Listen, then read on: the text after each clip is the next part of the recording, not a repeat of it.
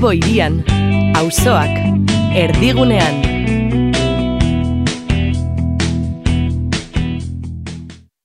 Eskerra, eskerra, ukabilkada Lanaren ekonomia. Kutsadura informatiboari aurre eginez, ekonomia gaiak jorratzen eta ulertarazten duen saioa. Bilbo iria irratia, hor dago eta argia, elkarlanean. Lanaren munduko analizia. Lagunak egan, ametsak egan, izkinan bertan, usta bildu, eta berriz bueltan. Denbora gelditzea bagenu, don't stop. Amodio agitari. Lanaren ekonomia irratzaian gaude, astelenero bezala, iruretan, Bilbo irian. Lanaren ekonomia Bilbo iria argia hor dago, eta hor dagoren arteko elkarlanarekin ba sortua izan da. Bilbo irian entzuteaz gain, arrozazareko beste hainbat e, irratitan ere entzungaitzakezu eta baita ere El, Sal- El Salto Radion. Gaurkoan ere sindikal agendarekin hasiko gara ekitze barriaren eskutik, sindikal agenda kurrengo amalau egunetako sindikatu eta mugimendu sozial desberdinen deialdia jasotzen ditu. Ondoren, komisiona obreraseko Alfonso Ríos daukagu hemen platoan, azpikontratazio eta lan osasunaren inguruan e, solasean jardungo dela Jon Bernard Zubrirekin. Ondoren, Jon Bernard Zubirik eh, elkarrizketatuko du Frantziako bigarren bueltako hauteskundeen valorazioari buruz eta eskerreko koalizioaren programazio ekonomikoari buruz e, jarduteko. Eta amaitzeko, betiko lez argiako tartean, oraingoan, genofa biroko irigoien izango dugu, Antoine e, Dubioren ekofasisme liburuaren gainean aritzeko.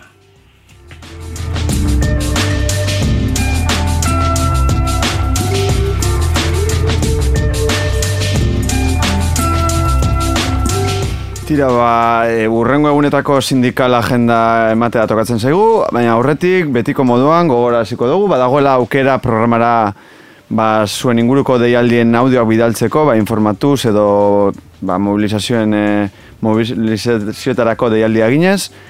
Orduan audioak bidaltzeko ze- e, zenbakia hau da, 6 lau lau, lau bederatzi bederatzi, bos bos lau. Astiro esango dut, 6 lau lau, lau bederatzi bederatzi, bos bos lau.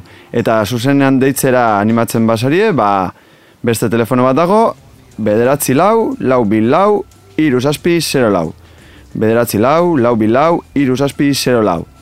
Eta tibera, ba, bueno, e, Euskal Herriko sindikal agendarekin hasi baino lehen, gogora hasiko dugu, Kantabrian metalaren greba potente bat dagoela, naiz eta edabidetan asko ez duten aipatu, eta tira, ba, uste dugu, ba, gure ondoko herriari, ba, e, animoak ematea tokatzen zaigula, euren emeretzigarren greba gunean.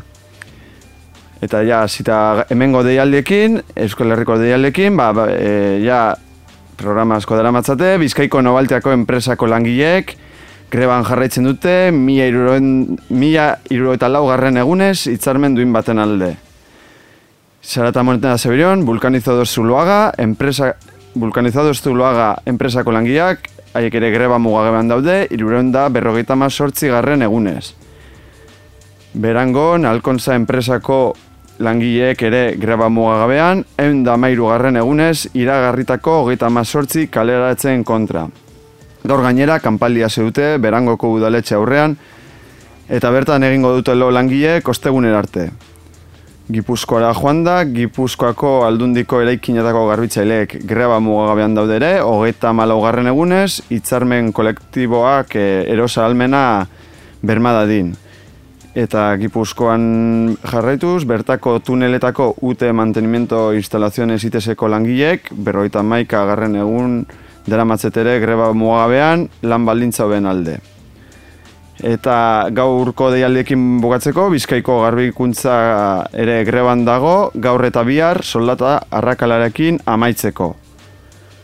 Bihar, martitzena, ekainak hogeita bat, Arabako eskuartze sozialak grebari ekingo dio, bihar eta etzi berriro, osea bihar eta etzi barkatu, KPI bai alabai lelopean.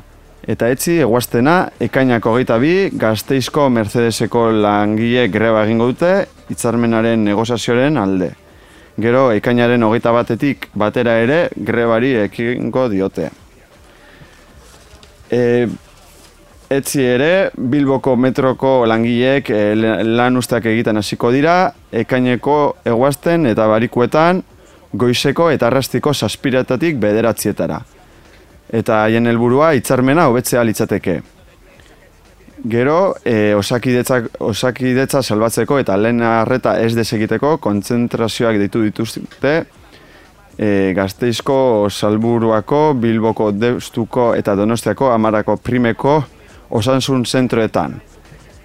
Eta igandean, ekainak hogeita zei manifestazioa ditu dute amabietan Bilboko Jesusen bihotzetik. Eguenean, ekainak hogeita iru, Bizkaiko metaleko sektoreko langiek grebari ekingo diote, hitzarmenaren negoziazioa desblokeatzeko. Eta momentuz, beste bi greba egun iragarrituzte, ekainaren hogeita marrean eta ustaiaren batean. Gero araban, gasolendegiak ere mobilizatuko dira, eta ustaia hori e, mobilizatuko dira egunean, ekainako geta iru, eta ustairen batean e, grebara joko dute hitzarmen bat lortzaren alde. Mm, araban beti ere, gazteizko abdemako langiek, Bizente Goikoetxea plazan kontzentratuko dira, amarretan, haien aurre akordioan, haien aurre akordioa errespetatua izan dadin eta e, egun berean, eguenean, Gipuzkoako egunguintza merkataritzan ere grebara joko dute premiazkoa delako lan balintzako betuko dituen eta kalitatezko enpleguaren bermea josoko duen hitzarmen bat. Barikoan, ekainako geta lau, Bilbon, jaurlaritzako betion telelaguntza zerbitzuko langiek, greba egingo dute, barikoan eta zapatuan, euren hitzarmena beste sektore soziosanitario batzuekin parekatua izan dadin. Eta, bueno, urrengo astelenean, ekainako gita zazpi, asteleno legez, e, kontzentrazioak egingo ditu pentsionisten mugimenduak, hainbat herritako udaletxen aurrean, pentsio sistemaren privatizazioaren aurka. Eta, e, bueno, hori. Eta horiek izango liderateke, e, urrengo egunetarako dit, dauden martxan, bueno, deituta dauden deialdiak, seguramente gehiago egongo dira, beraz, e, ba, de, bidali zuen deialdiak, Horretarako dagoen elbide elektronikora lanaren ekonomia abildua gmail.com lanaren ekonomia abildua gmail.com eta ba, jarri desagun e, saioarekin. El boca sucia. Asedio. Definiría esta talla de compromiso De politizar este inciso De sacar la verdad a la calle Y de protestar contra la masa. Hace caso omiso. Normal que estáis Cuando hablan en minis De normalizar Euskadi corrompiendo las ideas. Tu cuerpo echa la bilis Un pueblo que... Bueno, bueno, orain dela biaste, eh, la subcontratación abusiva es igual a muerte. Artikuloa eh, argitaratu du Alfonso Riosek eh, hor dago egunkarian. Eh, Alfonso Ríos, Komisiones Obreraseko lan osasunaren arduraduna da, eta egunero aurre egin behar izaten dute sindikatutik eh, ba, azpi kontratazioak dakarre lan baldintzen kaskartxari. Horren inguruan solasteko da gaur Bilboirian estudioa, Bilboirian estudioan, atxaldean Alfonso. Atxaldeon, tamila esker. Bueno, da bizi. E, gaia apurtxua kokatzeko azpikontratazioa aztertzen dozu, zure artikuluan, e, lan baldintzetan eta bueno, bereziki sindikal gintzan eragin okerra duen joera, enpresa munduan gero eta zabalagoa dana, zein da e, azpikontraten egoera e, klase sindikal gintzaren ikuspegitik? Esan desakogun lehenengo gauza, hau da, ez da, ba, langileen arteko desberdintasuna sortzen duela azpikontratazioak. Langileen arteko desberdintasuna, baina ez, baina lan merkatuan e, edatzen den e, ezaugarria bezala, ez ez bakarrik, edo ez bakarrik e, lan zentru zehatz batean, e, lan merkatu osoan e, gertatzen da, desberdintasun hori, eta, bueno, hau gure ustez e, arazoa da, enpresariek azken finean murrizketak egiteko erabiltzen dute askotan azpi kontratazioa, enpresako langile baten soldata, baino diru gutxiago e, ordaintzen dute, enpresa horretan gainera egunero e, egin, egin behar den lan batean edo egunero egiten den lan batean. Eta azken finean hau da, hau da arazoa eta hau da gakoa lan baldintzak e, txarragoak dira azpi kontratetan. Apiraren e, hogeita sortxian, Alfonso, e, ospatutako lan segurtasuna eta zunaren egunean, ba, komisiones oberazetik, e, ba, lelo, zure artikoaren leloa hartu zenuten, ez? Azpi kontratazioa eriotxa dakarrela salatu, salatuz. Zein da bi arazoen, hau da, e, azpikontratazioa eta e, lan segurtasuna eda, edo lan istripu eta lan postuetako eriotzen arteko harremana? Ba, azpikontratazioak e, lan istripuak sort, ba, sortarazten dituela eta lan istripuen oinarria dela askotan salatu dugu Komisiones Obreras e, sindikatutik. Ezta? Azpikontratazioak azken finean, beno, leia bat da, edo leia bezala da, enpresa, enpresen arteko lehiaketa da, enpresa batzuk lehiaketan daude, en, beste enpresa nagusi bati lana edo, edo zerbitzua emateko, Eta beno, haien, eske, haien eskaintzak erakargarriagoak egin behar dituzte, eta eskaintza hauek erakargarriagoak egiteko ba, murrizketak egiten dituzte. Haien e, aurrekontuetan. Eta murrizketa horiek, bale, esan dako lan baldintz txarragoak sortarazten dituzte, eta gainera batzutan, murrizketa horiek, beno, ba, lan istripuak saiesteko beharrezkoak diren prebentzio neurrietatik egiten dira.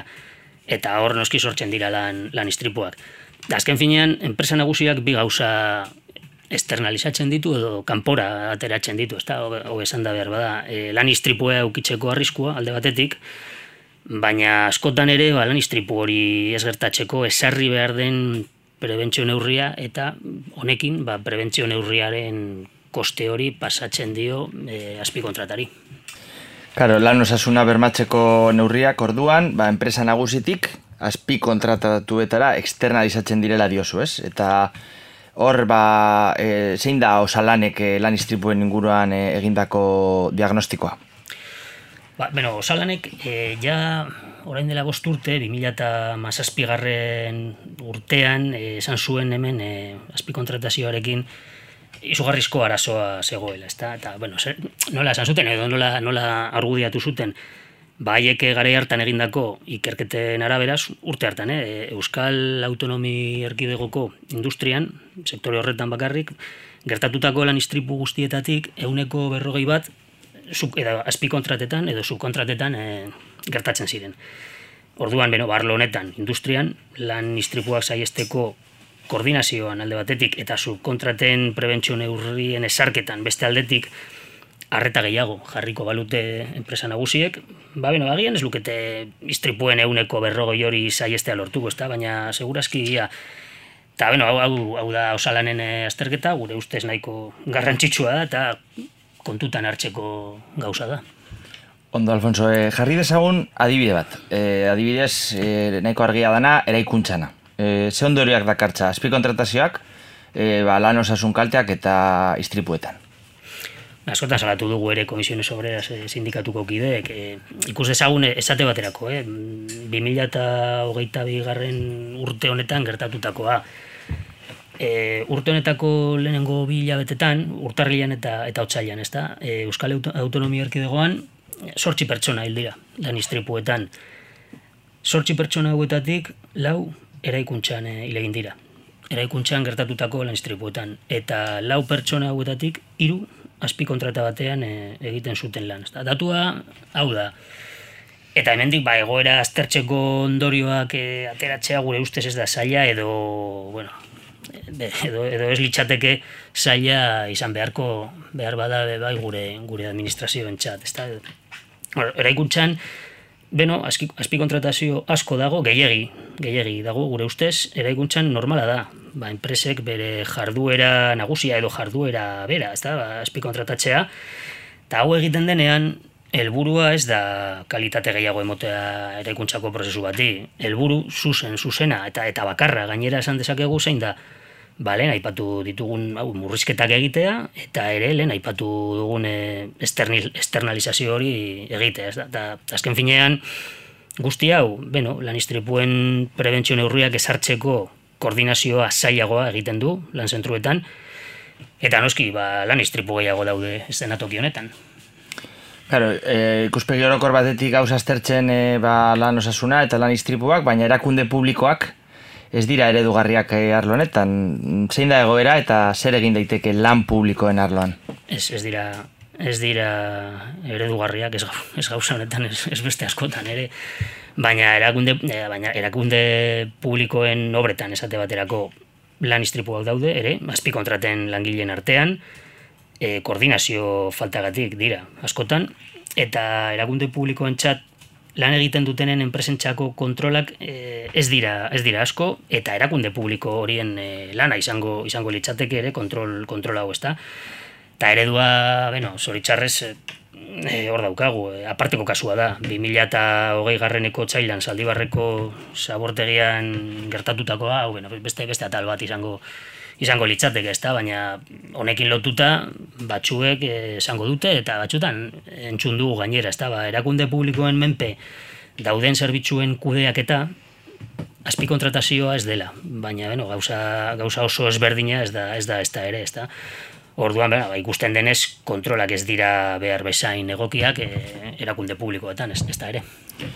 Bueno, ba, eh, Alfonso Ríos, Komisione Sobera Sindikatuko lan osasunaren ardura duna, eskerrik asko, Bilbo Iriga Estudia Etorretxagaitik eta urrengo batera arte. Ba, eskerrik asko zuei eta urrengo batera arte, noski.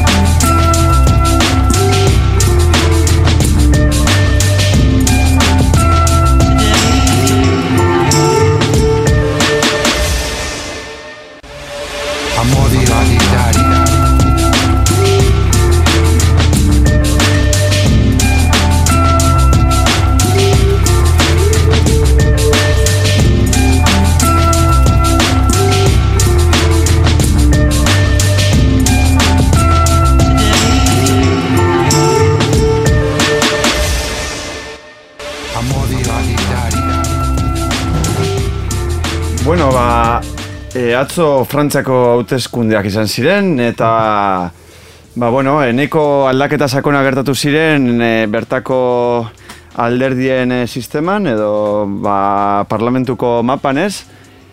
Eta, ba, bueno, baso den itxaberopen batzuk, ba, eskerreko, melen, oza, eskerreko autagaia zen melentxon lehen ministroa izateko, ez du hori lortu, Baina, e, inoiz baino diputate talde indartzu batuta eta berritu bat lortu zuten herrita herri batasuna batasun berriko hautagaiek eta bueno, horren inguruko azterketa bat argitaratu dute hor dagon, e, Aldo Rubert eta Jon Bernat Zubirik.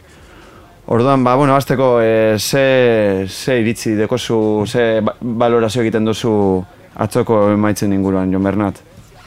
Bueno, ba, gaur goizean eh, Aldo Rubert eh, lagunak eh, izan duen, egon, eh, Aldo Rubert laguna egon da Radio Euskadiko Bulebarren, eta ba, paradoxikoki baz dutxe galdetu eskerreko batasun berriaren inguruan, bakarrik Lepen eta Macronen inguruan, eta bueno, ba, ipagarria da bereziki, ba, atxo Macronek eukindako porrota, Frantzian e, bon, du, sakonduko, baina el, atxo legislatiboak ziren, izan ziren, hau da, parlamentua hautatzeko hauteskundeak, baina azken hogei urteetan, hauteskunde horiek presidentzialak, edo je, je, estatuaren jefatura, edo republikaren burua hautatzeko hauteskundeak, eta oso gutxira egiten diren direlako, ba, batera doazen hauteskundeak, eta izaten dira ratifikatorioak, ez?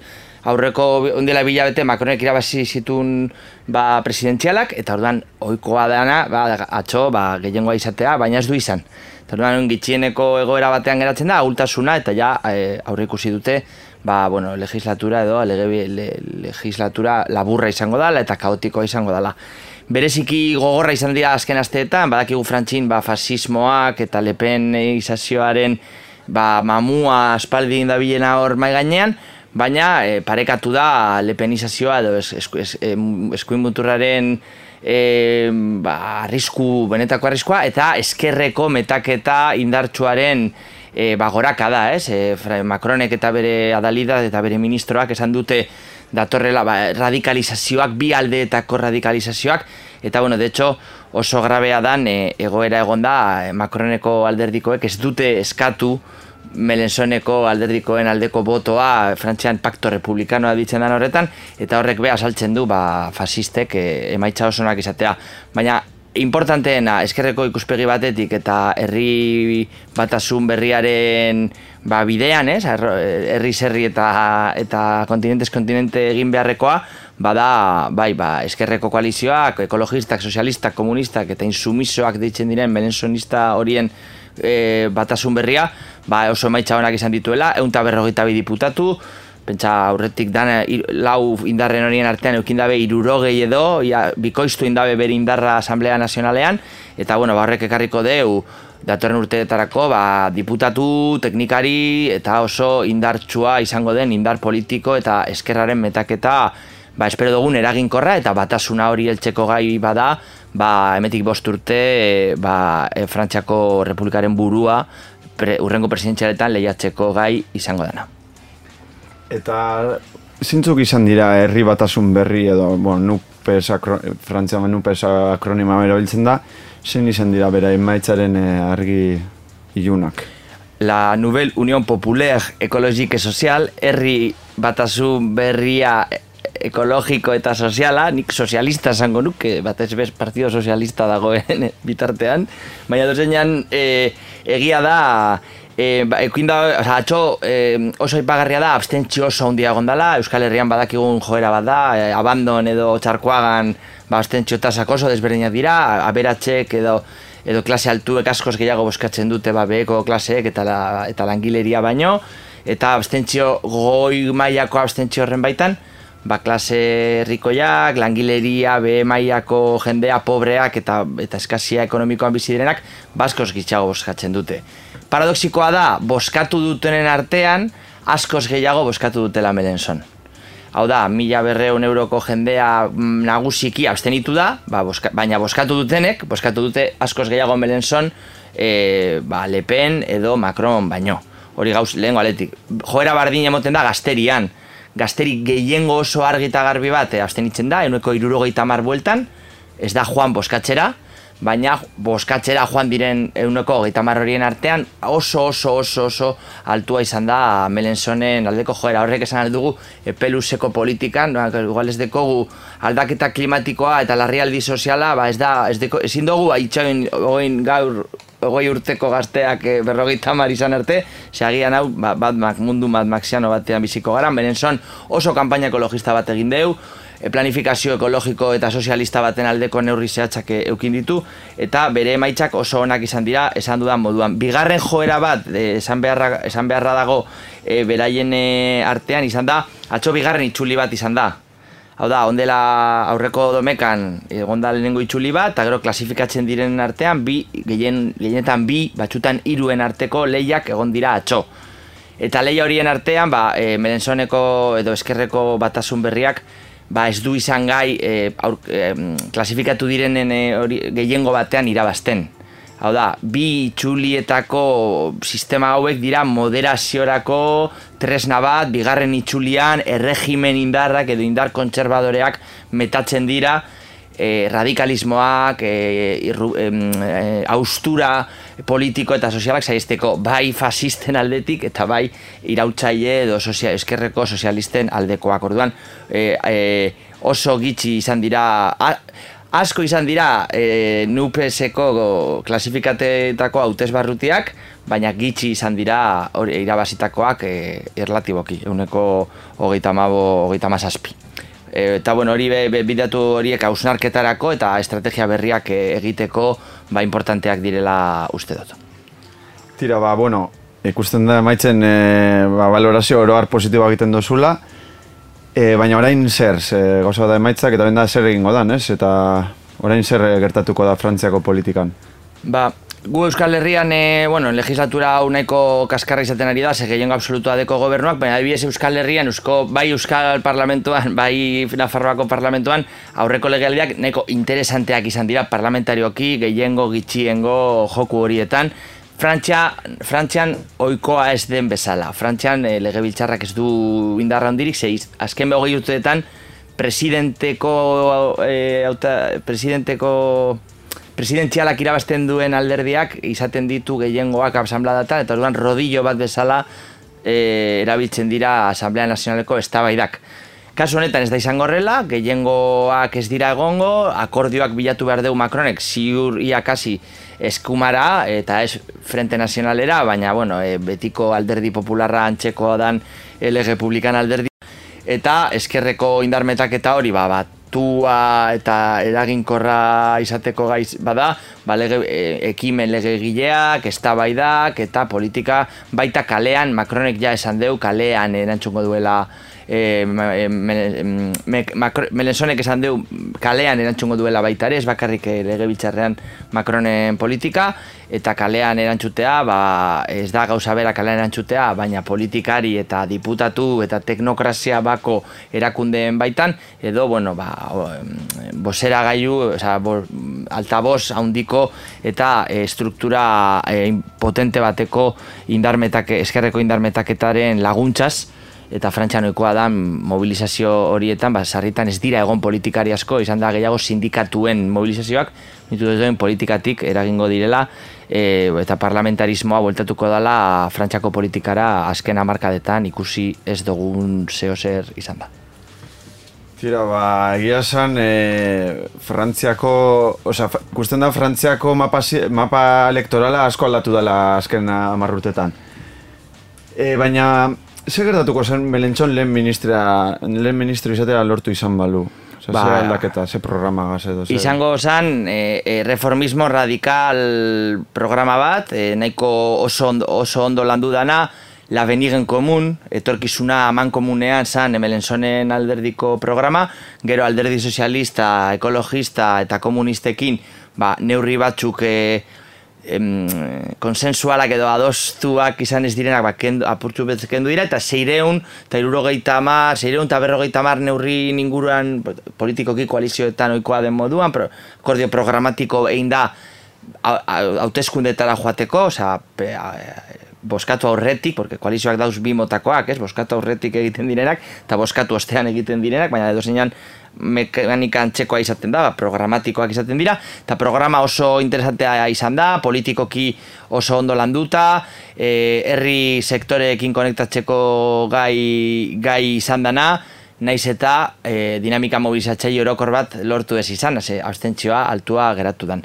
Gu gurean lanaren ekonomian, ba, importatzen edo bereziki gure harreta gehien pizten doen e, arloan, ekonomikoan, ba, oso ekonomilari talde potente bat e, aurkeztu dute, gaztea, feminizatua, espe, eskarmento hondiko neskak eta gizonak, e, bueno, andrak eta gizonak egon dira pre, lanketa programatiko hori egiten, zuzenean e, erasotuak izan dira komunikabide guztietan, kao ekonomikoa, Union e, Sovietar batasuna bueltatzeko joera, e, bolivarianoak, eta hori ba, gube oituta gauden horrelako e, geurtiketak, eta interesante izan da, programatik aratago gero egin dabe programaren kritikak erantzuteko programa bigarren dokumento bat, kasu honetan, komunikabideetan, fundazio eskuineko tintak eta horrelako, ba, e, kaos bat izango dala, sorpetxe publiko asko igoko dala, eta haiek, ba, gainera, bueno, ba, Frantzia herrialde importante bada, egu Euskal Herrian unibertsitate bat daukagu, publikoa, Frantzian eh, badago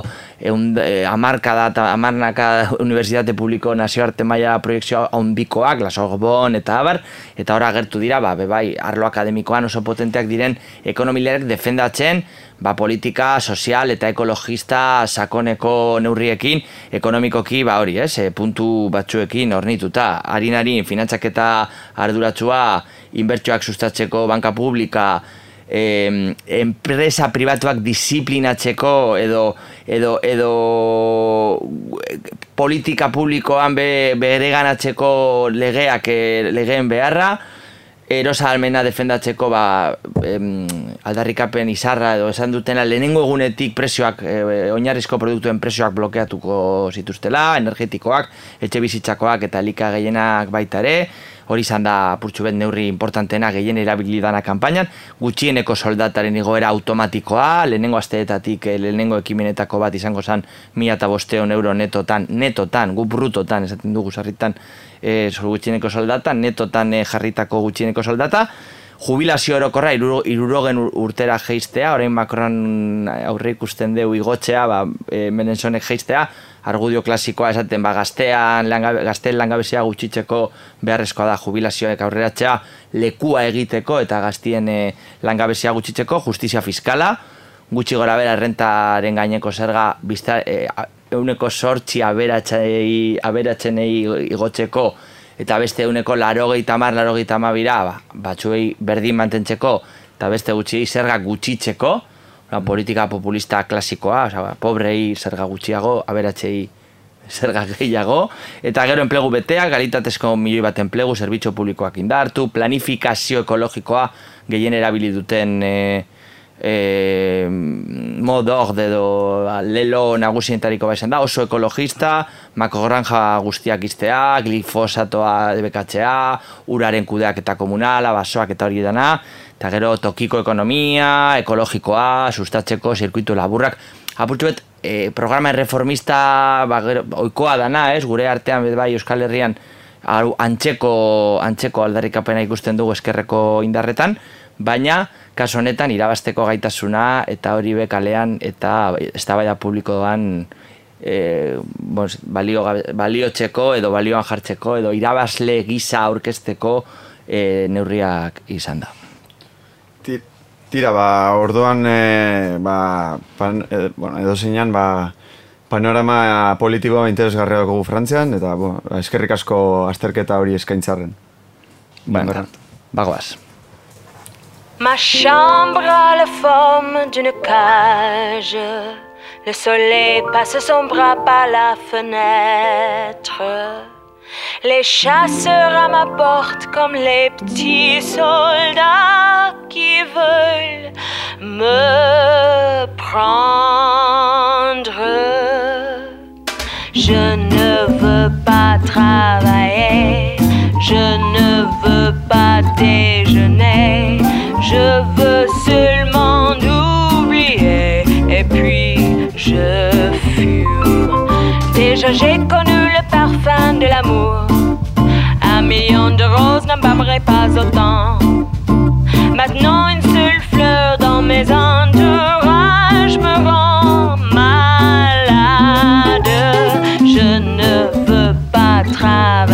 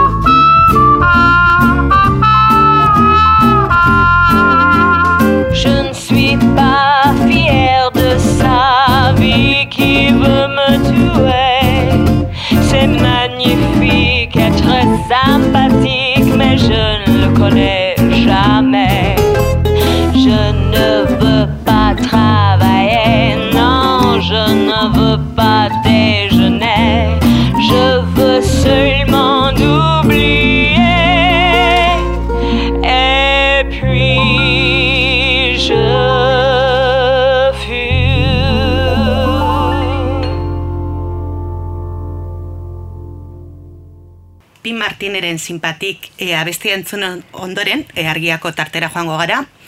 Honako honetan daukagu Jenofa biroko irigoien, e, ba, bueno, e, Antoine Dubieren e, ekofasismoari buruzko liburuari buruz hitz egiteko. Keizo, Jenofa, Bai, kaixo, atxaldeon. Bai, ba, bueno, komentatzen beten den bezala, bazkenean ekofasismoa esan daiteke modu batean, edo labur esan da fasismoa berdetzea dela, eta ekologia ikuspegi fascista batetik aztertzea, ez? Bai, hori da, hori da, nunbait da uh, ekologismoaren edo ingurumenaren aldeko postura eta fasismoaren, beraz, uh, jajera autoritario, nazionalista, xenofoboaren uh, arteko ustarketa bat. E, fasismoak ematen dio ekologismoari eta ekologismoak ematen dio fasismoari eta hola bideratzen da ideologia ahiskutsu hori, bai. Bai, eta bueno, ba, e, azaldu aldi guzu ere, ba, bueno, azkenean antoan du bai, e, du biok, e, planteatzen dauena ekofasismoaren inguruan, apur ba, ba, Bai. bueno, sakonago edo. Bai, ba, beraz, eh, Antoine Dubio hori zientzia sozialetan uh, dabilen ikerlari bat da, eta hojatera behi du frantzesez ekofasism liburua, beraz ekofasismoak pluralean, eta hor azaltzen du seki, ba, zer den ekofasismoa, edo Hala, historiko zer izan den, gaur egun zer den, e, nola definitzen duen, barnean diren adajez berdinak eta gerora begira diren jisku edo ejonkak. Berak e, ekofasismoaren baitan e, bi norabide edo ikusten ditu, batetik aipatzen du ekologiaren e, fasistatzea, eta bestetik aipatzen du fasismoaren ekologizazioa um, ekologiaren fasistatzea nahi bauzu da eh, eskuin, um, ekologiari begiratzea ikuspegi fasista batekin.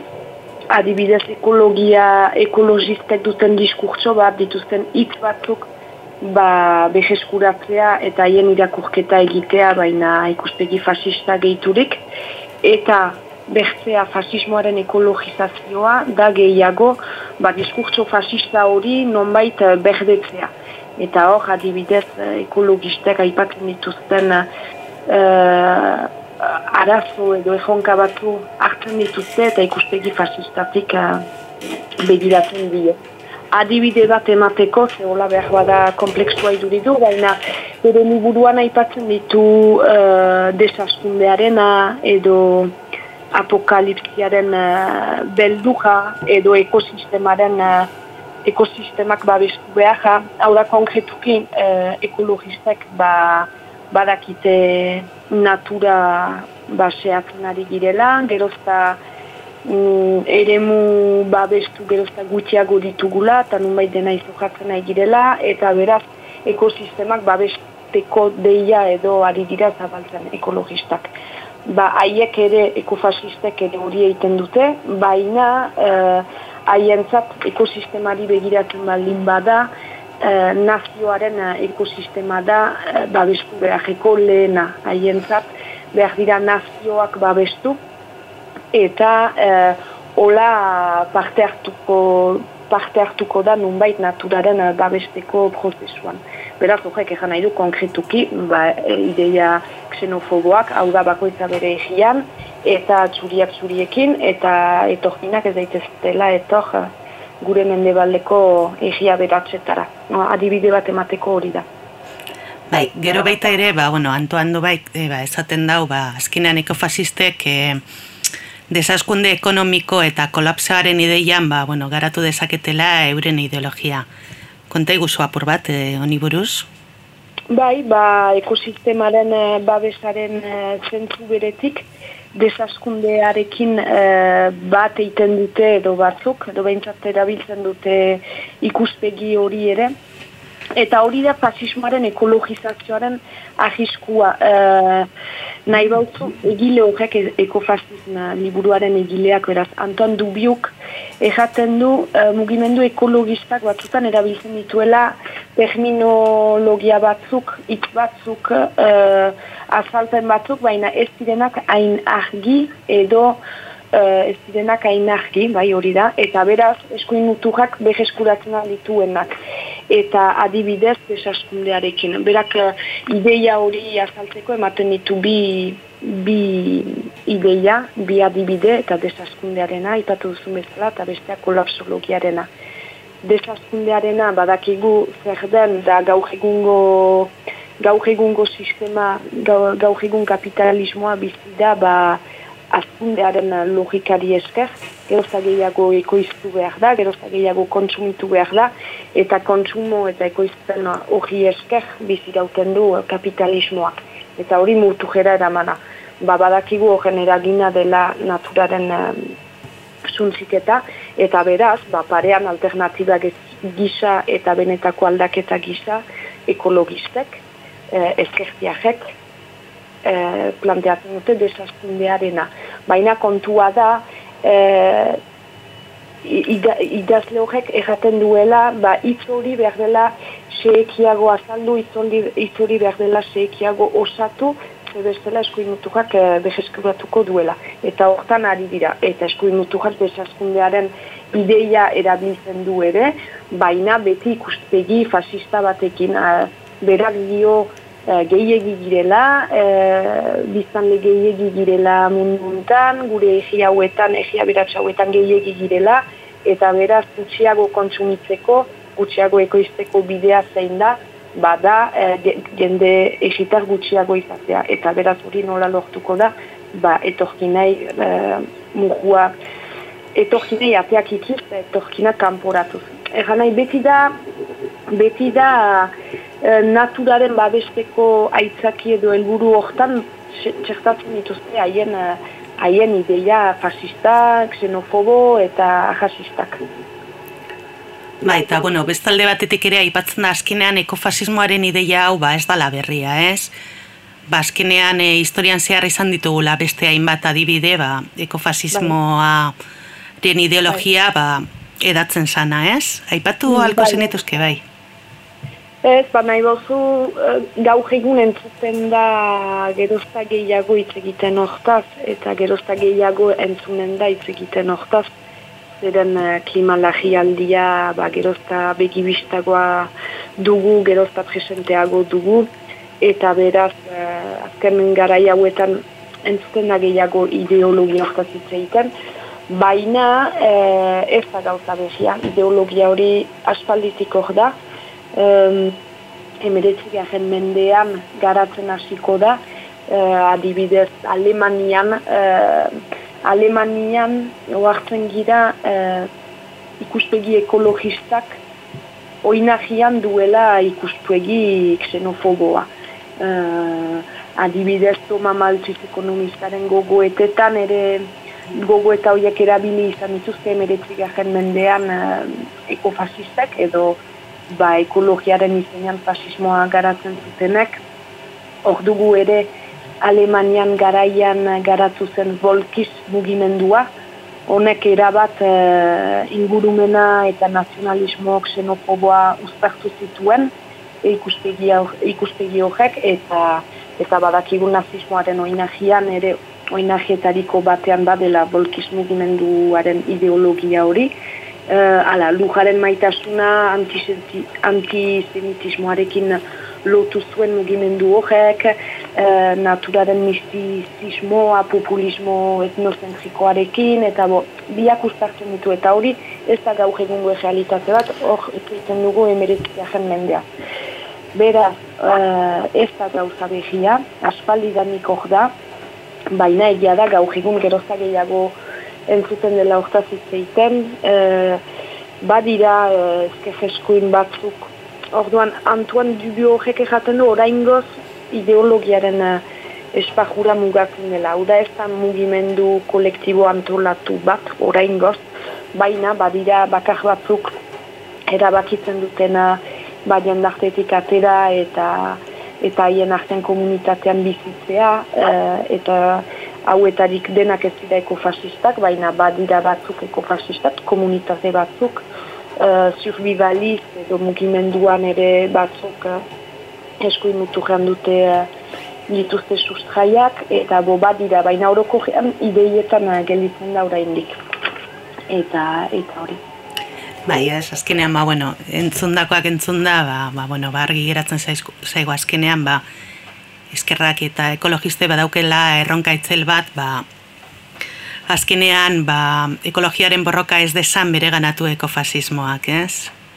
Bai, hori da, ordan ekofasistek duten helburuetariko bat da uh, bojoka ekologista edo ingurumenaren aldeko bojoka hori ezkejetik ezkejaren ikuspegitik bere iztea. Ezkejak duen egemonia hori nahi duzun zitu. Eta baituzta bat testu idakirik, progatuz, haien, progatuz eta azalduz ekologista izatea dela baita ez para ezkertia jaizatea, eta hori nahi dute pixkat, ba, pixkat ulektarazi edo. Eta beraz, horren parean, ba, bai badu ezkerrak sekulako uh, ejonka eta bete beharra, eta da uh, ulertaraztea uh, jendeari eta jogatzea eta argi ustea bujoka ekologista erkejetik eramaten dela, bujoka ekologista justizia sozialean oinahitua izan behar dela eta justizia soziala helburu izan behar duela, zeren, uh, zeren hori horrela da, eta egia da ekofasismoa edo ekologia ikuspegi fasista batetik bai batzuk eramaten dute, baina baina jiskutsua da biziki eta eta ezkejak badu sekulako ekonkaz, ez baldin badu egiten, parean fasistek segituko dute lekua hartzen, batez ere e, klima lagialdia okertuko delako eta badakigu jisi garaietan ezkeja ez baldin bada aterabide proposatzaile eta bada plaza publikoan, ba eskuin mutu duela indaja. Beraz, ja, ikusiz klima lagialdia hor dugula hasi besterik ez dela egin eta gogortuko dela, ba, nik uste ezkerrak badu gauk egundik uh, uh, lanketa hori egiteko beharra. Orduan, bai nozioiak desazten beha, uh, ekosistemen babesa hori guztia, ba, haien diskurtsoa findu eta ezkerretik justizia sozialetik eraman, eta gero orokortiago azaldu bojuka hori bai ala bai justizia sozialetika eraman beharko dela, ziren begiratzen baldin bada mundu mailana e, klima lagialdian zein, zein den oinahian eta zein ezairatuko duten ahi gelditzen da, egi aberatzek e, dutela direla horren oinahian gehien bat, egi pobreek ez direla oinahian baina haiek zairatuko dutela gehien bat.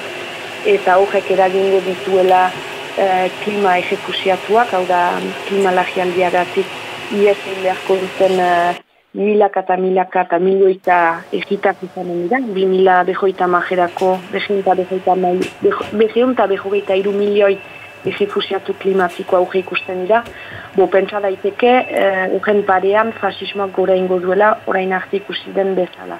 Beraz bai, ezkejak badu behaja, ekologia eta eta klima lagialdiaren irakurketa ezkejetik ez uh, bideratzeko hori dudagabe. Bale, ba, eskerrek asko, jenofa azkenean, ba, bueno, ba, eskerra eta, ekologi, eta ekologisten erronka hau, ba, erronka honi buruz hitz egitearen, eta, bueno, azkenean ekofasismoaren mehatzuarei buruz honi honen berri ematearen. Eta, bai. bale, ba, eskerrek asko. Bai, mil eskerrek. Horrengo arte.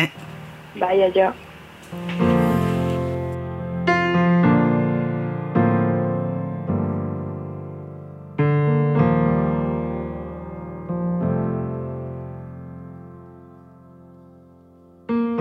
Betor lainoa arpeatik zigizaga.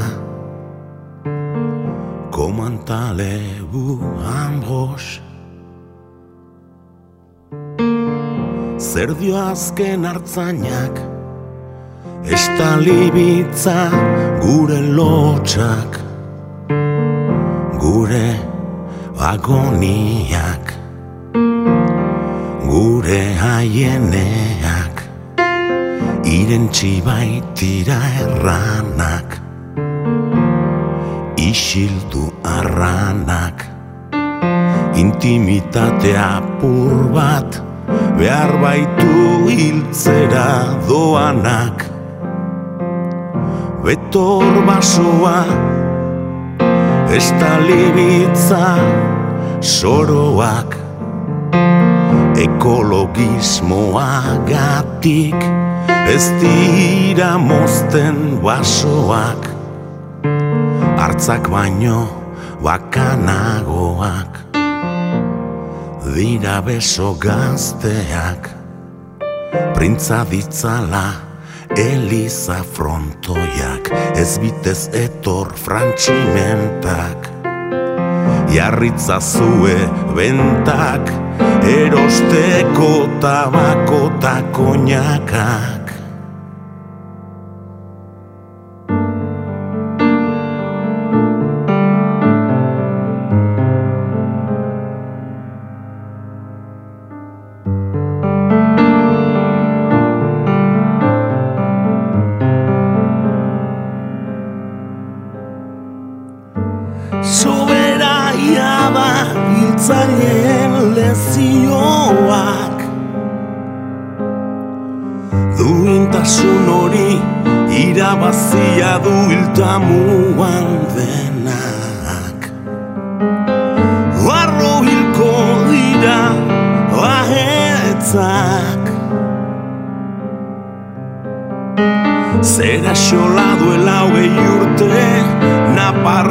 Naparjeida salatzeak. Gartxot ikusi eta Nigarrik, nigarrik ezahetz Oraingoan doazoazte Kolakariak, sorginak Menditarrak, hartzainak Almadia zainak, Historiaren, historiaren osinera. Egin irribarre zure azken egunetan. Gera bedizutaz Oroitzapen hon bat Ursuriak eta urbeltzak Gazitu dute irabia. Gipuzkoarrak etortzear daude Zu salbatzera